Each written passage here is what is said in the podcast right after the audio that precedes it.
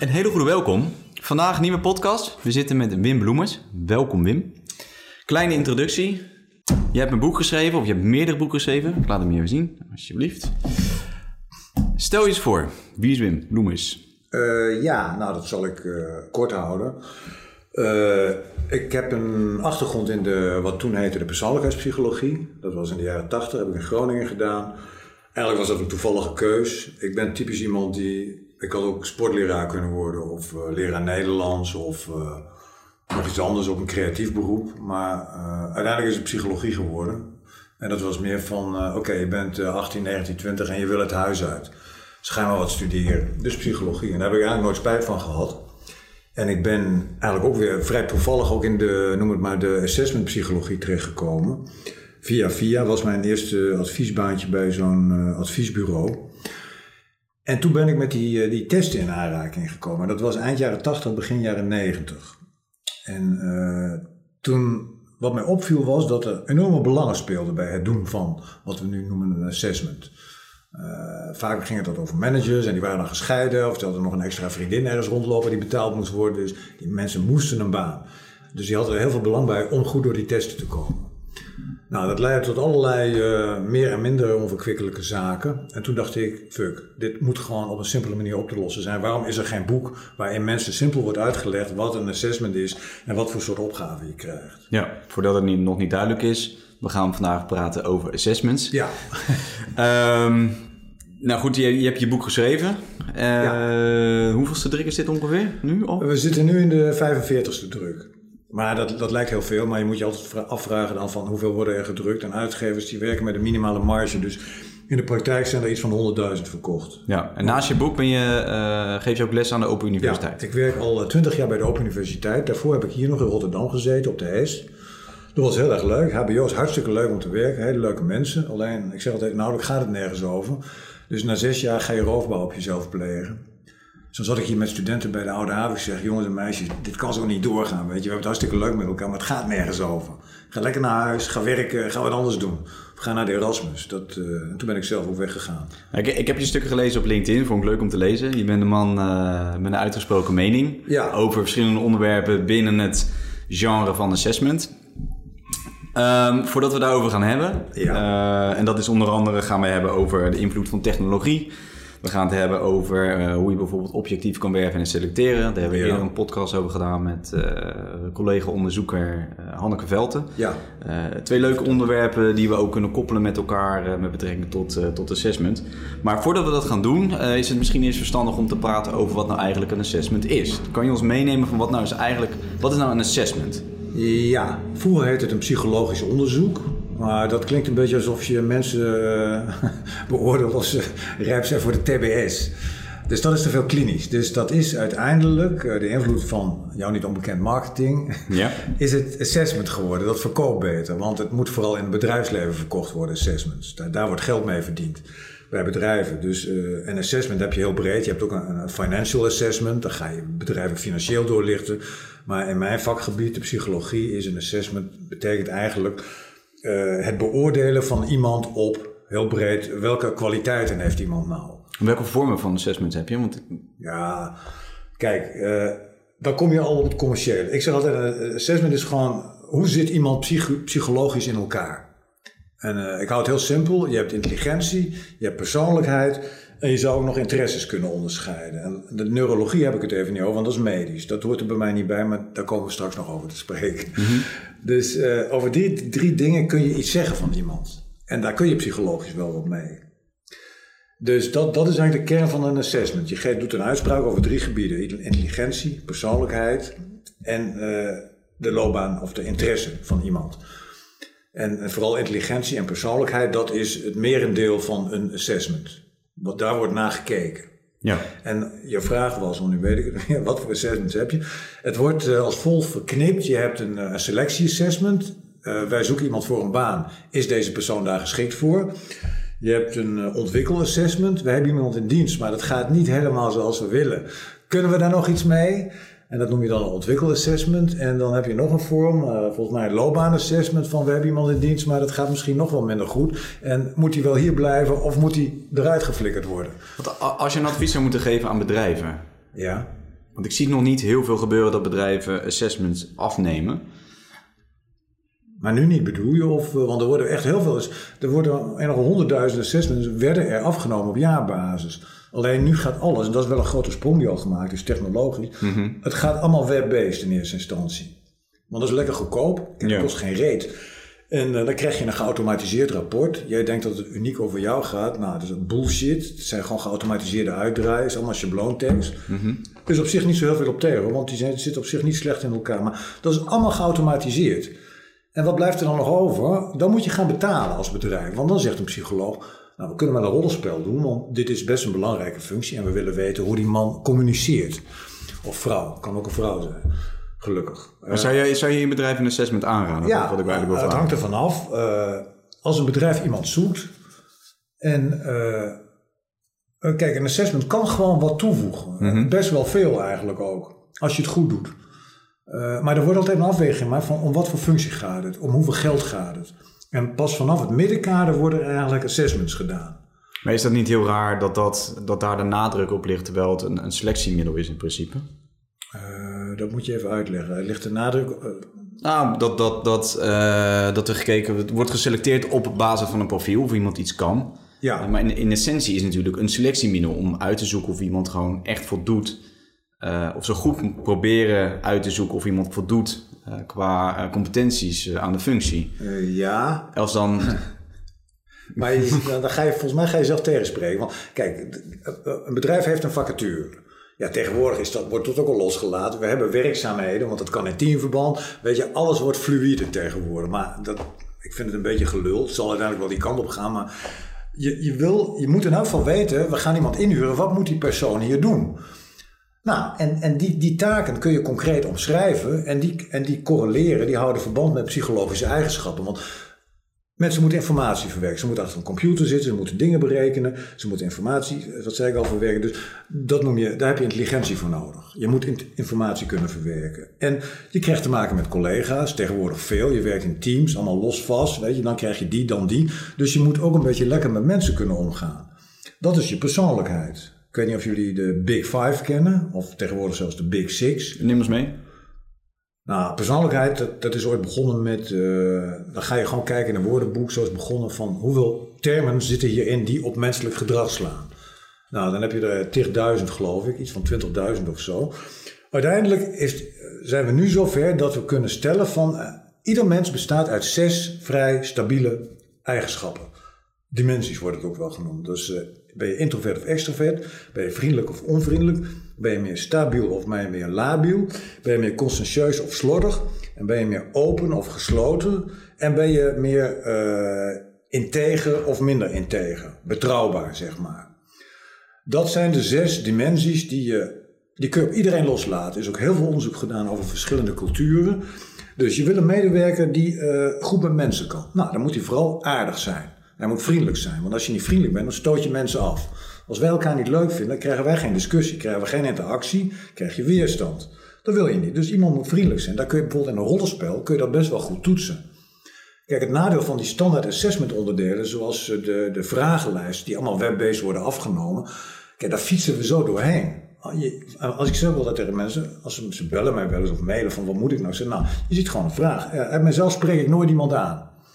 Zei, wat, wat stel je dan voor als je daar ja op zegt? Dat doe je dus niet. Eh, maak je dan makkelijk contact? Ben je dan vriendelijk? Eh, vinden mensen aan? Nee. Want je legt helemaal geen contact. Dus dat is gewoon niet gunstig. Tenzij je solliciteert op iemand die in zijn leven lang in een isoleercel wil zitten. Maar dat lijkt me onwerkelijk. Dus die vraag kun je over het algemeen heel goed van beoordelen. Is het gunstig of ongunstig voor de functie? Dus dat vult iedereen zo in. Nou, Maar waar, waar zou je dat, die, die vraagstelling eh, in het selectieproces, want wat veel gebeurt nu is namelijk, er wordt een eerste gesprek gedaan, sollicitatie door een Ja. recruiter. Dan komt er vaak een tweede gesprek, dan komt er bijvoorbeeld een projectleider bij of iemand anders die daar Ja. zijn, zijn plasje overheen wil doen. Ja. Vaak pas daarna komt het assessment. ja. Vind je dat logisch? Nee. Kan ik direct zeggen. Dat dacht ik al. dat is helemaal- niet? Omdat, het is een simpele regel. Kijk, als je je huis gaat schoonmaken, dan ga je eerst met het grote spul beginnen, met de stofzuiger. En uiteindelijk ga je de details poetsen. Maar je gaat niet eerst details poetsen en daarna met. Nee. Dus betekent de, de krachtigste middelen, die moet je het eerste inzetten. En met krachtig bedoel ik vooral de beste. Dus dat, dat zijn vooral de meest valide middelen die echt doen wat ze moeten doen. Nou, en dat is gewoon, dat blijkt, dat, moet die klappen zou je moeten op nalezen, dat artikel, maar dat is een intelligentietest. Die voorspelt eigenlijk in, in deze samenleving met gemiddeld onze taken die, die wij moeten doen, voorspelt een intelligentietest het beste wat, hoe goed iemand zal functioneren in een baan. Dat klinkt misschien wat tegenintuïtief, maar voor elke functie heb je, uh, moet je informatie verwerken. Je moet nadenken, je moet handelen. Dat is voor een groot gedeelte intelligentie. Dus dat heb je nodig voor een baan. Dus je moet eerst een intelligentietest doen. Tenzij, tenzij, zeg ik natuurlijk, je al genoeg indicaties hebt van, nou, die is wel slim genoeg. Dan hoef je geen test te doen. Dat is verspilde moeite. Dan val je mensen ook niet lastig met op zich een, redelijk vervelend instrument. Want het is niet leuk om een intelligentietest te moeten doen. Dat zou ik ook ervaren van, ja, ze twijfelen toch aan mijn capaciteiten. Uh, ik laat je ook geen intelligentietest doen, uh, bedrijf, om te horen van hoe zit het hier en met wie krijg ik hier te maken op de afdeling. Weet je, mag het überhaupt trouwens? Weet je dat? Wat? Een intelligentietest, gelijk van tevoren. Ja, dat mag. Dat In Nederland wordt daar helemaal niet moeilijk. In Amerika is daar veel uh, fellere strijd over gevochten. Uh, en de, de eis is nu, althans in Amerika, je moet kunnen aantonen dat het instrument wat jij gebruikt, dat dat in elk geval een relatie heeft met de functie. Mm Nou, dat, dat moet dan blijken vaak uit heel veel onderzoek. En nou ja, kijk, wat ik ervan weet, dat is in de psychologie over het algemeen wel goed afgedekt hoor. Dat, uh, ook, de bureaus die weten verdomd goed van we kunnen niet gaan prutsen met allerlei uh, onzinnige uh, vragenlijsten of testjes. Want nou, dat, die, die reflex is zo snel dat dat slaat ogenblikkelijk op jezelf terug. Waar wel gekloot wordt, dat is meer in het we gaan een dagje de hei op of zo. Dan willen we wat leuks doen. Dan krijg je ja, de Myers-Briggs of, de, of de, de kleurentest, weet ik veel wat, wat troep allemaal hebben. Maar dat is geen serieuze psychologie. Dat is meer van we zitten met z'n allen bij elkaar en we willen iets hebben om over te lullen. Nou ja, dat, daar kun je wel wat bij verzinnen. Dus uh, de gemiddelde psychologie die gebruikt uh, goede en uh, noem het maar integere en valide instrumenten. Daar durf ik mijn hand wel voor in het vuur te steken. Hoe komt het dan toch dat, en daar kunnen wij dan over meepraten bij, bij, bij Versterk, hoe komt het dan toch dat het gemiddelde bedrijf niet gelijk al van tevoren een assessment afneemt voordat ze overgaan tot uh, de persoonlijke gesprekken. Ja, daar heb ik wel een theorie over. Kijk, heel veel van de HR-posities zitten HBO'ers. En met alle respect, maar de HBO-psychologie, dat, daar heb ik niet echt een hele hoge pet van op. Ik bedoel dat niet denigreren, maar. Hoe dan? Uh, ik bedoel het dat ze van de, uh, de, de, echte harde vakmatige dingen, zoals validiteit, betrouwbaarheid, psychometrische kenmerken, dat soort dingen klinkt een beetje impression management, impression management achter, maar daar weten ze veel te weinig van. Ik heb er een aantal gevisiteerd. De statistiek bedoel je daarmee? Dus hoe je statistisch Ja, statistiek ligt, zit, is daar ook een onderdeel van. En dat aspect, kijk, want dat is ook allemaal praktische psychologie, heet dat daar. Ja, dat is hartstikke mooi. Mensen helpen, whatever. Maar daaronder zit ook een, noem het maar, een theoretisch psychometrische psychologie. En als je dat niet weet, ja, dan, dan wordt het heel shaky wat je aan het doen bent, weet je. Want wat, wat betekent het dan waarmee ik ben? Dat weet ik eigenlijk helemaal niet. Maar iemand zei dat het wel oké... Nee, je moet altijd checken. Is het wel oké? Dat, dat, als psycholoog leer je dat. Er wordt iets, iets gezegd. Ga het web op, want het web is in die zin wel nuttig. Ga checken wat daarvan waar is. Ga, ga tijdschriften, artikelen, namen, mensen die zich daarmee bezig hebben gehouden, voor- en tegenstanders. Dan ga je dingen wegen. Maar op het HBO gebeurt dat nauwelijks, is mijn ervaring, of er moet iets veranderd zijn. Dus die, die, die harde kenmerken, de, de, de harde basics van een vak, ja, die, uh, ja dat, dat valt daar niet onder. Dus dat, dat zit niet in de opleiding. En uh, dat is heel jammer. Maar ja, want anders waren het volwaardig psychologen. Dan had je, had je gewoon HBO en universitair kunnen samenvoeren, wat mij betreft. Maar dat, dat is dus niet zo. Maar dat is ook wel een gevaar op de universiteit. Hoe zie ik dat?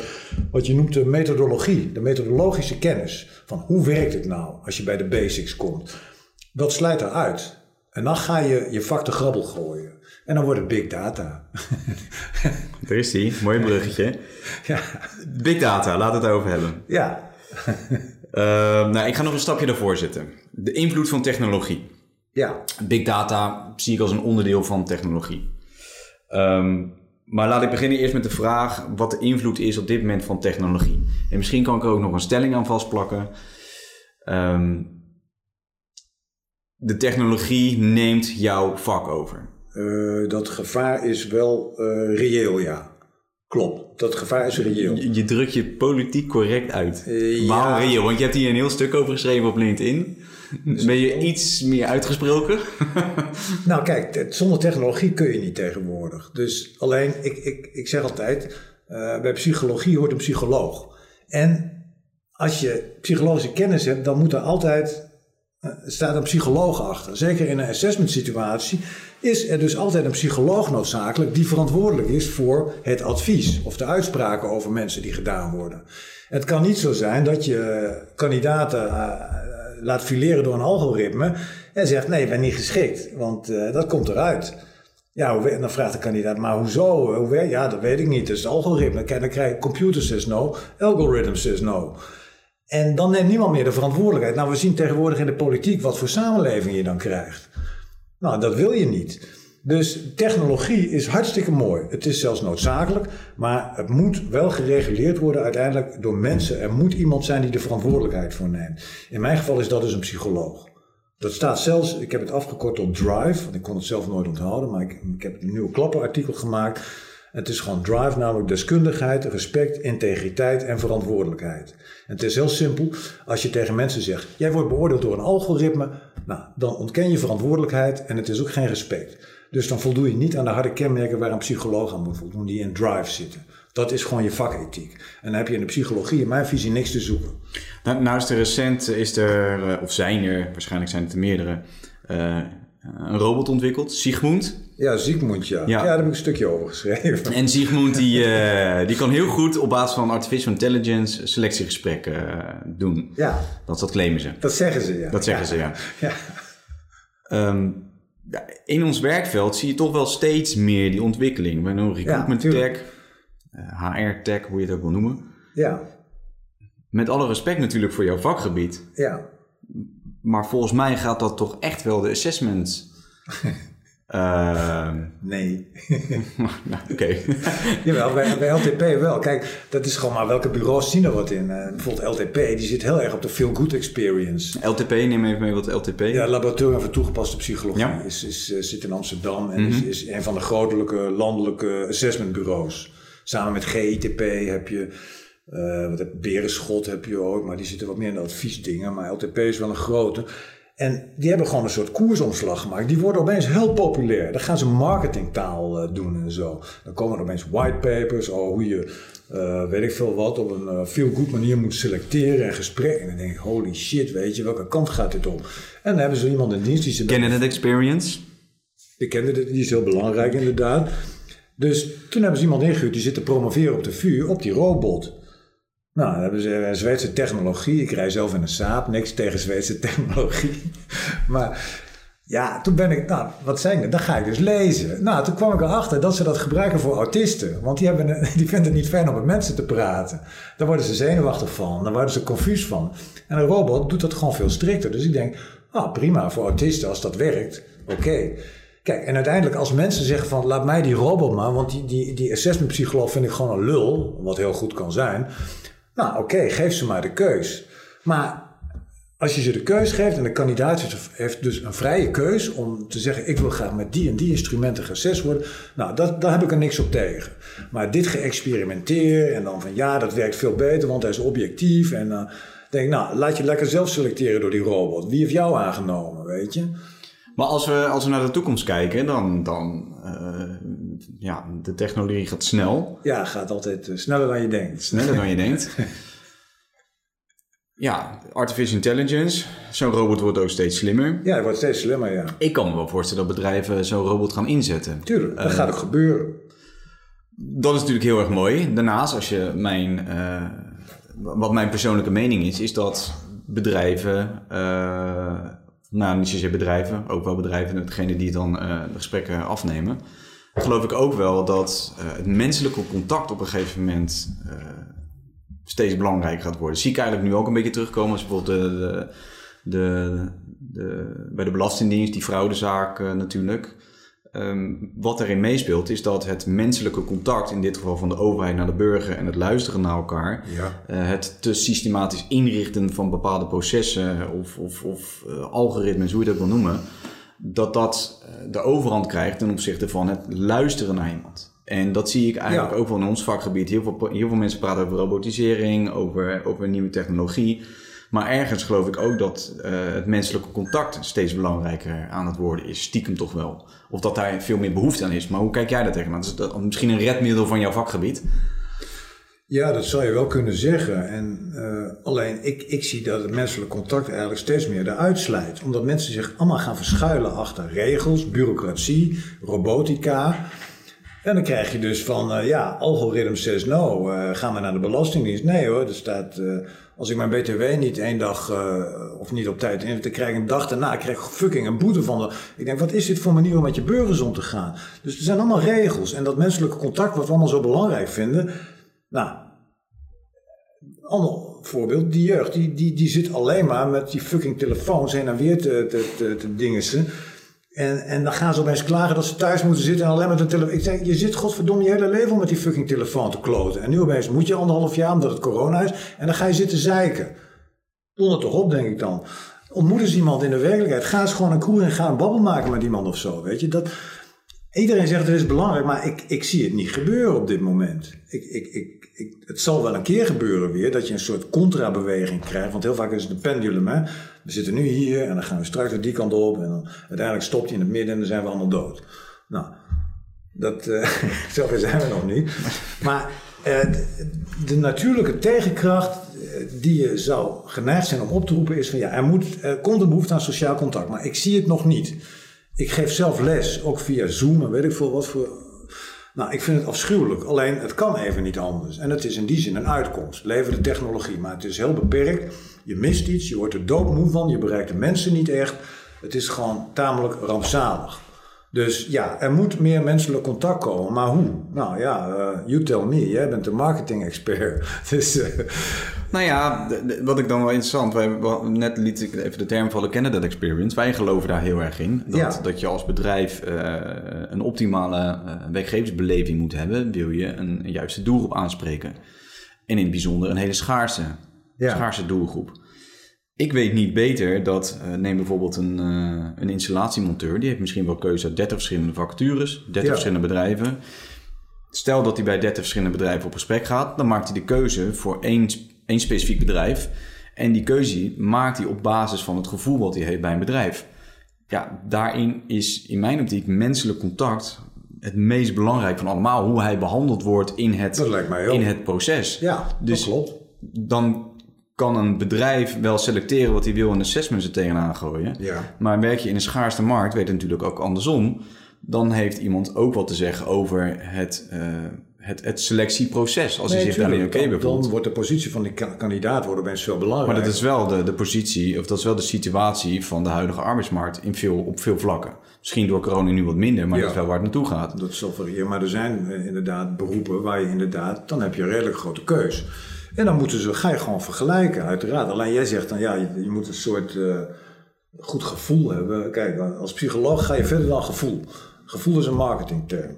Maar ik wil weten, wat is dat gevoel dan? Wat gebeurde er? Weet je, wie deed wat tegen jou? Welke procedures waren? Wie heb je ontmoet? Wat deed hij precies? En waarom zeg je nou van, ik voelde me bij bedrijf A veel prettiger ontvangen dan bedrijf, bij bedrijf B? Nou, dat is voor jullie ook van belang, want daar kun je bedrijven een advies op geven. Maar wat wat, wat is jouw mening daar dan in? Dat, dat je gewoon naar concreet gedrag van mensen moet kijken. Van, van wat, waar bestaat dat gevoel uit? Welke componenten zitten daarin? Wat ik zei. Uh, wie, je komt bijvoorbeeld een bedrijf binnen. Nou, ik, kom, ik kwam, ik doe niet zoveel opdrachten meer, maar ik kwam wel eens bij bedrijven. En dan, dan kom je binnen en dan, dan heb je inderdaad een soort sfeergevoel krijg je. Je denkt wauw, of je denkt shit, wat is dit voor gezeik hier, weet je. Afstandelijk, een balie, mensen zijn niet aardig. Nou, dan ben ik al zoiets van, ik ga liever weer naar huis, ik ga weer een sigaretje roken. Toen rookte ik nog, nu niet meer, helaas.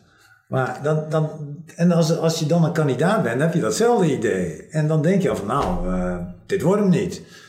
Ja, nou, dan krijg je nog een interview. En uh, als die mensen niet aardig doen, nou, dan zeg je, sorry jongens, maar dit wordt hem hier niet. Uh, ik ga wel een deur verder kijken. Klaar. Dus in, in die zin, dat is voor jullie belangrijk. Bedrijven moeten, moeten wel, zoals jullie dat noemen, die candidate experience. Ja, daar moet je iets mee doen. Uh, want als je dat niet doet, dan gaan ze niet bij je werken. Tenzij ze niet anders kunnen. Maar dan lopen ze heel snel weg. Of ze gaan fraude plegen, of ze gaan uh, saboteren. Dus daar schiet je geen reet mee op. Dus je moet echt wel, en dat is, dan, dan komen we denk ik wel bij elkaar. Want ik, kijk, het hele assessment gebeuren heeft zich eigenlijk tot nu toe vooral op de kandidaat gericht. Die gaan we fileren. We zoeken mensen, maar daar zitten onbetrouwbare types bij. We maken daar instrumenten Precies. voor, zodat we kunnen Ja. zien van liegt hij of liegt hij niet. Heeft hij te veel sociaal-wenselijk geantwoord, bla bla bla. Dan doen we nog een rollenspel, dan maken we extra moeilijk. We kijken waar zijn grenzen liggen. Nou, en dan denk ik, hallo, hallo jongens, zo werkt het niet meer tegenwoordig. Exact. Dat kan ook niet. Dat is gewoon, dit. dat is niet. Iedereen heeft het over fair en, en moet duurzaam. Nou, dat is niet duurzaam. Duurzaam is dat je, je, je wil iemand voor een functie. Laat mensen zien wat je te bieden hebt. Trek ze in je toko. Maar eh, realistic job heet het met een mooi woord. Zet gewoon iets op het internet. Ze kunnen zien van verrek. Die zit daar, die doet daar dat. Gewoon authentieke verhalen van mensen. Niet van die gladde babbels. Maar gewoon authentieke verhalen van, van mensen die er werken. Dat je denkt, oh ja, en dan heb je gewoon een idee, daar wil ik wel werken. En dan hoef je misschien helemaal niet meer een assessment te doen. Mensen doen dan hun eigen assessment.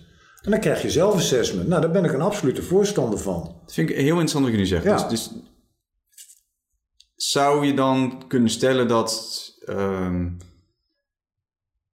als een bedrijf in, in de opbouw van hun communicatie, van hun marketing en communicatie, Ja. in de opbouw van hun candidate experience, als ze erin dus hun waardes meenemen, waar het bedrijf voor staat, dat ze laten zien wat hun cultuur is, Ja, even in een, in een notendop gezegd, dat dat automatisch een assessment is, dat dat eh, een natuurlijk selectieproces is voor mensen die ergens gaan beginnen. Dat- Daar kan je op vertrouwen. nee, daar kun je niet op vertrouwen. Dat moet je uitzoeken. Je moet nooit naïef Maar hoe worden. kan een gemiddelde HR-manager dat dan uitzoeken? Nou, je moet ergens een gok nemen en een begin maken. Ik zou zeggen, maak, eh, wat ik ervan weet, ik zou zeggen... Oké, je moet, je, mensen moeten een reëel oordeel zich kunnen vormen over jouw bedrijf... en de werkzaamheden die jij van ze gaat verwachten daar. Dus eh, hoe kun je ze daar een beeld van geven? Nou, je kunt wel rondleidingen met eh, gaan organiseren, maar dat is ingewikkeld. Dus Nee, daar, maar is ook daar niet- heb je technologie voor. Zet het op het web. Gewoon, zodat mensen, vraag je af, wat, hebben we, wat moeten we mensen geven, zodat ze voldoende informatie hebben om zelf te kunnen beslissen, ik wil heel graag bij jou aan de slag, want dat is precies wat ik zoek. Maar hoe kan, hoe kan een HR-manager, dat is misschien meer, meer concreet mijn vraag, hoe kan een HR-manager, want dat, dat snappen ze wel, daar, daar wij ze bijvoorbeeld mee, dus het Ja. optimale van die candidate experience, dat zit natuurlijk vooral in de, in, de, in, de, in de online communicatie, in de offline communicatie en hoe gesprekstechnieken Ja. worden uitgevoerd, eh, dan wel hoe een gesprek wordt ingericht. Maar hoe zou bijvoorbeeld een HR-manager kunnen verantwoorden naar een directie dat dat werkt? Hoe, hoe kan je dat in het proces erna, hoe kan een HR-manager uitsluiten Ja. dat die natuurlijke selectie, die natuurlijke assessment, vorm Ja. van assessment, dat dat werkt? Dus, dus die vertaalslag naar het meetbaar maken. Dan moet je eh, die mensen blijven volgen in hun werk. En dan ga je gewoon kijken van hoe hebben ze gepresteerd? Wat is het verloop onder die mensen vergeleken met mensen die via klassieke werving- en selectiekanalen zijn binnengekomen? Maar gebeurt dit al? Voor zover je Ik sluit het niet uit, maar ik weet het niet zeker. Kijk, ik, ik hoor zoveel, en ik lees ook wel echt behoorlijk veel tegenstelde berichten over ja, bedrijven als Google en zo, die dan heel modern, en dan lees ik weer een of ander verhaal van iemand die er gewerkt had en dan met heel veel bonje. En dan denk ik, ja, het is gewoon een kutbedrijf, weet je. Altijd gelul over dat ze zo modern zijn en dat je één dag in de week voor jezelf mag werken. Het is allemaal bullshit. Dus ik ben daar heel, ik, ik, ik vertrouw bedrijven nooit. Bedrijven hebben altijd dubbele belangen. Dat begrijp ik wel. Om te overleven moet je, moet je tricky zijn. Maar, dus, maar je moet het goed onderzoeken. Dan, dan moet je een risico nemen. Je hebt ook die, eh, die open hiring, heb je het geloof ik. Dat is bij die Canadese bakkerij is dat ooit begonnen. Open hiring, neem even mee wat open hiring is. Eh, ze nemen iedereen aan die daar wil komen werken. Zonder selectieproces. Zonder selectieproces. Ja. Gewoon aannemen. En dan denk ik, ja, want kijk, het oude idee is, nee, dat kan niet, want er zitten psychopaten tussen, mensen die gaan hier jatten, we moeten iedereen selecteren. Nee, eh, waarom zou iemand bij jou willen werken? Nou, omdat je iets leuks te bieden hebt en omdat die persoon vindt, hé, hey, daar pas ik op. Wij horen bij elkaar misschien. Nou, dan wil je dat onderzoeken, dus ik ga bij jou werken. Dan kan altijd zijn dat het niet goed gaat. Nou, jammer dan, dan ga je weer uit elkaar. Maar laat mensen, mensen zijn heel goed in staat volgens mij om hun eigen eh, kwaliteiten te beoordelen. Dus, en zo niet, dan zijn er altijd psychologen die daar advies willen geven, mensen zoals ik. Maar dus laat mensen, geef dat zoveel mogelijk, leg dat zoveel mogelijk bij de kandidaat. Dat, dat is ook veel meer zoals je met, met elkaar wil omgaan. Als, als autonome volwassen mensen die zelf hun beslissingen kunnen nemen. Wel advies willen inwinnen af en toe, want niemand heeft de wijsheid in pacht. Maar laat ze zelf beslissen in plaats van ze naar zo'n assessmentpsycholoog te sturen. Die wel oordeelt, weet je. Want heel vaak is het voor bedrijven ook verantwoordelijkheid afschuiven. Ja, we hebben een paar gehad, maar nou weten we het eigenlijk niet meer. Ah, stuur maar even naar een assessmentbureau, weet je. Die hakken de knoop wel voor ons door.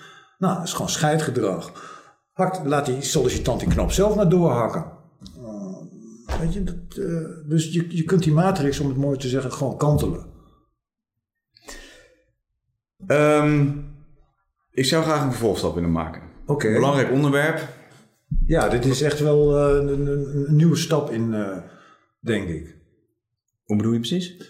Nou, als je kijkt van uh, hoe het vroeger ging en hoe, hoe, hoe, we er nu over praten, dat je meer die kandidaat zelf. Bedrijven moeten veel meer zich openen, want nu is het alleen maar marketinggelul. Ja, wij zijn agile, wij zijn. Uh, uh, wat is die andere term? Uh, sustainable, lees je ook overal.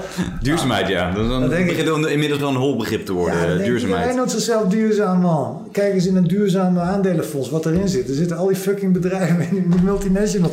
Dat denk ik, het is allemaal gelul, weet je. Ja. Het zijn kreten, dus maak het maar waar. Maak het maar waar. Put your money where your mouth is. En, uh, en sollicitanten moeten daar, kandidaten moeten daar ook veel meer op, op leren triggeren. Alleen, het heeft te maken met de arbeidsmarkt. Als er geen werk is, dan heb je weinig te kiezen. Dus dat is een beetje het, uh, het, het speelveld waarin uh, het plaatsvindt. De arbeidsmarkt. Ja, die, die is wel, want jij zei al, ja, uh, sommige mensen kunnen echt een goede. Ik zeg altijd mensen, als je goed bent in je vak, dan kun je altijd werken. Dus nou zwart, maar je kunt altijd werken als je goed bent in je vak. Dus wat moet je doen als je iets wil? Je moet zorgen dat je ergens goed in wordt. Nu is het zo, je hebt altijd te maken met selectie. Uh, meestal wel, ja. Wat een, uh, wat, wat, wat een um, uh, tegenwoordig een, echt een belangrijk en hot item is. En ik heb daar eerder gesproken over met, met Hanneke Velten. Ja. onderzoekster bij Kennis- en Integratiecentrum. KIS. daar hebben we gesproken over proberen zo objectief mogelijk te werven. Hoe kan je nou je gesprek zodanig inrichten waardoor je dus uh, minder bevooroordeeld uh, gaat selecteren, ja. laat ik het zo zeggen. Met andere woorden, waardoor je ook uh, discriminatie voorkomt. Ja. Laat ik even in het midden of het bewust of, of onbewust is. Hoe kijk jij daar tegenaan, tegen überhaupt discriminatie op de arbeidsmarkt? Want voordat we dit gesprek begonnen, toen hadden we het er al even over. te zeiden van ja, ja, dat is echt op dit moment nog wel echt een groot probleem. Ja. Met betrekking tot, nou goed, je bent een assessmentpsycholoog. er is veel discriminatie op de arbeidsmarkt hoe zou een assessment daarin kunnen ondersteunen? Hoe kijk je tegen dat hele probleem aan? Nou ja, kijk, assessment is al misschien al te ver. Want het, het, is de vraag, wie komt er überhaupt bij een assessment? Daarvoor heeft er al heel veel discriminatie plaatsgevonden, denk ik. Impliciet of expliciet. En dat zit hem gewoon ook in maatschappelijke drempels, die voor sommige groepen veel moeilijker zijn of veel hoger liggen dan, dan voor mensen uit een, noem het maar even, een blank doorsnee middenklasse gezin. Dat was een van de adviezen die Hanneke uh, ons gaf, was de tijd, uh, de manier van vragen en welke vragen om dat uh, ja. zo standaard mogelijk te houden. Dus, ja, dan heb je het over een gestructureerd interview. Iedereen krijgt dezelfde vragen op dezelfde. Nou, dan moet je dan een robot achter zetten, want die is objectief. en zou je weer terug op de data inzetten? Ik, ik nee. zou zeggen, zet er een psycholoog op. Kijk, ik, ik ben geen HR-liefhebber. Uh, Wat bedoel je mee? Qua niveau niet. Bedrijfs. Ik denk dat een psycholoog een veel betere interviewer is dan de gemiddelde HR-functionaris. Maar je kan niet overal psycholoog neerzetten. En daarnaast HR is natuurlijk veel meer dan selectiegesprekken doen. Nou, er studeren zoveel mensen psychologie. ik denk dat je een hele tijd komt. Maar nee, dat kan niet. Maar uh, daar kun je wel een mouw aan passen.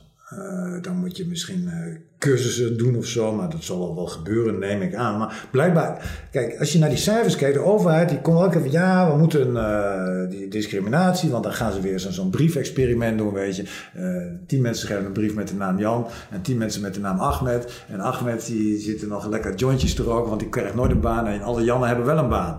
Terwijl de cv's precies hetzelfde zijn achter de brief. Nou, ergo zoom, mensen kijken naar na. En uh, dus da daar moet je al beginnen. Dat, dat, ja, en als je, als je mensen niet zover krijgt dat ze dat terzijde kunnen schuiven, ja, dan houd het op. Dan moet je er iemand anders neerzetten die wel in staat is om daar objectief mee om te gaan. En ik denk dat psychologen. Kijk, wij hebben een beroepscode. Wij zitten met die drive-dingen uh, achter ons. En je wil ook iedereen als psycholoog een, een, een, een even grote en faire kans geven op dingen. Maar vind ik dat, dan moet ik eerlijk zijn, dat, dat ik, snap wat je zegt, maar dat ja. vind ik ingezegd wat kort door de bocht. Want uit het, uit het gesprek en uit het onderzoek, uh, en nogmaals, dan quote ik even Jan of uh, Hanneke. Uh, daaruit blijkt wel dat, dat wij zijn nou eenmaal beïnvloedbaar. Ja, priming werd dat, dat in jullie vakgebied noem je dat een priming. Dus, dus wat wij zien op tv ja, over klopt. Ahmed, over Jan, wij worden geprimed en mensen maken bewust, onbewust, maken die dus al voordat ze iemand zien, gewoon gelijk een oordeel. Dus iemand aannemen die dat dan niet doet, dat, dat vind ik dan persoonlijk wat kort door de bocht. Ik denk niet dat dat gaat bijdragen aan uh, het, het verbeteren van discriminatie op de werkvloer. Omdat iedereen uh, maar wacht even, ik, zoals je het nu vertelt, denk ik, oké, je hebt een interviewer en die is geprimed. Die denkt, oh, dat is Ahmed. Ja, die denkt gelijk, kut, die wil ik niet. En dan zeg ik, ja, maar een goede psycholoog, die denkt misschien ook wel, kut, heb je Ahmed. Maar die denkt tegelijkertijd, nee, dat is iemand die wil hier werken en ik ga gewoon kijken hoe competent hij is. Je moet leren, dat is net als een bij de politie zit Maar waarom kan ik er bij een psycholoog wel van uitgaan dat de psycholoog niet... Omdat hij een beroepsethiek heeft, waar die, waar die op kan worden afgerekend. En omdat ik denk dat je als psycholoog. Maar is dat ook als er bedrijfsbelangen spelen? Uh, ik kan me. Kijk, een psycholoog. Ja, je moet, psycholoog. Wie betaalt, die bepaalt. Dat is ook een stelling die, waar, waarvan ik denk dat we het wel over eens zijn. Dat, heeft, dat is altijd een invloed. Ik heb dat zelf ook meegemaakt bij, bij klussen. Dan merk je gewoon, ja, fuck, weet je, die betaalt mij. Dus uh, eigenlijk vind ik dat het. Maar ja, weet je, dan ga je chicaneren. Dus ja, de praktijk is altijd lastig. Dus uh, het is nooit of-of, maar je moet kijken hoe kunnen we zo ver mogelijk komen. Kijk, iedereen discrimineert in mijn visie, impliciet of expliciet. Impliciet, daar kun je niet zoveel aan doen, maar je kunt daar wel mensen proberen. Expliciet is fout, dat, dat moet niet. Maar dat is redelijk goed, denk ik, aan te tonen. Dus dat kun je uitsluiten. En dan moet je zeggen, oké, hoe kunnen we die impliciete discriminatie er nog uitfilteren? Nou, dat, wat Hanneke doet, dat is op zich goed. Dat ga je structureren. Maar dan moet je bijvoorbeeld nog verder gaan. Want je moet ook zeggen van oké, wacht even. We zitten hier met mannen. We krijgen nu een vrouw. Hoe voelt die vrouw dat? Misschien moeten we gewoon dus altijd een combinatie van man en vrouw nemen. Ook dus alleen maar om een afgewogen oordeel te krijgen. Nou, over dat soort aspecten van een procedure moet je ook gaan nadenken. Dat je echt alle mogelijke vertekeningen eruit filtert. En dan, dan los je het nog niet helemaal op, maar je komt dan wel een heel eind. En dan zou ik zeggen, vraag het de kandidaten na afloop. Wat vond jij ervan? Hoe werd je hier behandeld? Heb je iets gemerkt van Weet je? Want daar, daar ligt de oplossing. Je kunt wel eh, in je eentje in een vacuüm gaan zitten denken. Nee, je moet de mensen vragen die ermee te maken krijgen. Alleen dan kom je erachter of je fair en of je eerlijk eh, bezig was. En dan moet je moet gewoon die kennis van die kandidaten gebruiken. Dat is belangrijk, vind ik. En meer psychologen erop zetten in mijn visie. Die, die is toch wat objectiever dan iemand die er werkt bij HR. Want die heeft een veel directer bedrijfsbelang. De psycholoog misschien ook wel omdat hij betaald wordt, maar die heeft toch zijn beroepsethiek en die, die, ik durf te stellen dat hij het beter zal doen dan de gemiddelde HR-functionaris. Klinkt wat elitair, zo bedoel ik het niet, maar dat is mijn stelling. Maar schort het dus aan, uh, aan kennis en opleiding binnen het vakgebied hoe je hier het beste mee om kan gaan? Binnen HR? We noemen nu HR, maar we moeten natuurlijk daar een beetje mee oppassen. Uh, er zijn ook andere. Uh, functiehebbenden die een selectieproces doen, directie of, ja. of, Nou ja, dat, dat uh, I know one when I see one. Dan krijg je dat gut feeling geleuter. Ja, er zullen ook best mensen zijn die integer zijn, maar ik, ik heb daar niet, vooral niet heel veel vertrouwen in, moet ik zeggen. Dat heb ik echt niet. Dat, uh, vooral de zelfingenomenheid van, van die baasjes en zo. Dan denk ik, ja, dat is gewoon een motherfucker, weet je. Dat, uh, het is dat ik die spullen nodig heb, maar anders ging ik wel ergens anders naartoe. Dus ik weet het niet. Ik eh, onderzoek het maar. Er zijn zoveel psychologen. Laat ze het maar onderzoeken. Kijk, kijk maar hoe, hoe het eraan toe gaat. Kijk maar naar die discriminatie. Die, ze, die die fucking overheid. Die begon toen van ja, we moeten 5% invalide. Nou, dat haalde de overheid niet eens. Die haalde geloof ik 1% of zo. En nee, je hebt een grote bek, maar je doet het zelf niet eens. En als je dan kijkt hoe ze tegenwoordig met, met de gemiddelde Nederlander omgaan. Denk maar aan die toeslagenaffaire. Ja, nou, dan ga ik hem nog wel doortrekken. En dan zeg ik, eh, zet er maar eens assessments op die politici. Pak die maar eens een keer goed aan. Want uh, ze lullen wel, maar uh, ze doen het zelf niet. En wij als burger, wat doen wij? Wij zijn ook maar stomme mensen. Wij, wij lopen op, wij denken, ja, hallo, ze verkloot het zelf. Dus ze begint niet tegen mij te zeiken. Nou, en dan is de beer los. Want dan ga je gewoon alles doen wat God verboden heeft. Want dan denk ja, kijk naar jezelf, lul. Je doet het zelf toch ook niet? Jij maakt er een teringzooi van. Dus uh, tegen wie denk je dat je het hebt? Nou, en dan, dan valt de hele samenleving uit elkaar als je niet uitkijkt. Hallo. Dus ja, assessments. Ja, assessment, doe assessment. Ja, um, ja wat, wat, wat, samenvattend, we hebben het gehad over, nou, we hebben het gehad over de invloed van technologie, we hebben het gehad over big data, uh, discriminatie, hoe kan je dat tegengaan? Als je nu samenvattend een antwoord zou moeten geven op de vraag van uh, technologie, uh, de toekomst van assessment en dergelijke. Uh, mijn vakgebied, jouw vakgebied, niet zozeer de psychologie, maar jouw vakgebied, de assessment psychologie, is een uitstervend, uitstervend ras. Zou je dan zeggen ja of zou je dan zeggen nee met de kennis die je nu hebt? Of zeg jij van nou, er ligt nog zoveel onderzoek om te doen? De, maar je bedoelt de klassieke assessment psycholoog is een uitstervend vak. Ja, dat vraag ik altijd aan mijn studenten. Ik zeg, waarom zou iemand nog 150, 200 euro voor jou gaan betalen? Terwijl ze het ook web-based kunnen doen. En straks hebben ze ook een robot. Exact, ja. Ja, ik, ik denk, als ik heel eerlijk ben, denk ik dat we die strijd gaan verliezen. Dus dan moet je je afvragen, hoe kan ik dan nog wel een zinvolle bijdrage leveren als psycholoog terwijl ik verantwoordelijk wil ja, blijven? Precies. En wat zou die... Uh... Ja, er, er, moet iemand zijn die aanspreekbaar is. Je, het kan niet zo zijn dat we een samenleving krijgen waarin iemand zegt, ja, het algoritme zei dat ik niet geschikt was. Ja, sorry, maar dan, dan ben ik waarschijnlijk dood, maar dat, dat, I don't buy that. Denk, denk je dat bedrijven, of, of weet jij dat of bedrijven op dit moment in het creëren van algoritmes, data, robotiseren, noem het allemaal op, dus de, de tech nerds, ik noem ze maar even zo, ja. nemen die psychologen ook mee in het schrijven van die algoritmes? Uh, dat weet ik niet. Wat ik erover gelezen heb is niet veel, maar ik vind het allemaal heel erg technologisch. Er zitten wel juristen soms bij, heb ik het idee. Maar ik, ik heb niet, niet het idee dat er echt heel, heel veel psychologische kennis bij zit. Het, het, het, is ook redelijk oppervlakkig. Hè? Je observeert een patroon en dan ga je naar, naar een ander domein en kijken of je hetzelfde patroon vindt. Maar waar komt dat patroon precies vandaan? Wat betekent het precies? Kijk, als psycholoog wil je eigenlijk altijd naar verklaren. Je wil weten waarom mensen doen, doen mensen bepaalde dingen. Maar dit is gewoon een hele domme observatie. Wacht even, als je in die buurt woont, dan zit je zo en zo in elkaar. Maar ik zou dan waarom gaan mensen in die buurt wonen? Waarom gaan ze niet in een andere buurt wonen, terwijl ze weten dat het een klote buurt is? Waarom gaan ze dat, weet je, dat zijn psychologische vragen. Het algoritme stelt dat soort vragen helemaal niet. Alleen algoritmes zijn wel bewerkbaar. In die zin hebben ze één voordeel bij een psycholoog. Een testpsycholoog kan jarenlang dezelfde fouten maken. Als het goed is, een algoritme niet, mits er mensen, dus ook een psycholoog achter zit, die zegt: we moeten dit checken, want het klopt niet. Er zaten uh, fouten in onze eerste dataverzameling. Er zitten afwijkingen waardoor vrouwen of uh, Marokkanen, ik noem maar wat, of, of, Nederlanders benadeeld werden. Dus we moeten dat, dus het is controleerbaar. Het is beter controleerbaar dan wat mensen, hoe mensen beslissingen nemen. Dat is een voordeel ervan. Maar dan moet je het ook doen. En dan moeten mensen zijn die daar verantwoordelijkheid voor nemen. Dat is denk ik het allerbelangrijkste. We moeten ons daar niet gaan achter verschuilen. We moeten zeggen, het was mijn taak, ik heb gefaald. Nou, als Rutte dat had gedaan, hadden we nu een heel ander Nederland gehad. Duidelijk. Als afsluiter, als je één gouden tip mag geven voor bedrijven, voor degene die selectiegesprekken afnemen, met betrekking tot het doen van assessment, dan uh, praat ik even niet over de toekomst, maar dan praat ik even over het nu. Want over het hier en nu, ja. Over het hier en nu, want in de toekomst wordt het misschien nog meer web-based, algoritmes, noem het allemaal op, big data. Maar als we even kijken naar het nu, ja. wat voor gouden tip zou je bedrijven nu geven? Uh, nu ga meer naar die sollicitanten. Open jezelf meer. Laat meer van jezelf zien, zodat mensen zelf meer een keuze kunnen maken. Dan, dan wordt selectie veel implicieter en makkelijker. Dus ik, ik zeg altijd, een goede psycholoog is net als een goede huisarts. Je moet zichzelf overbodig maken. Die geeft zulke adviezen dat mensen daarna het zelf kunnen.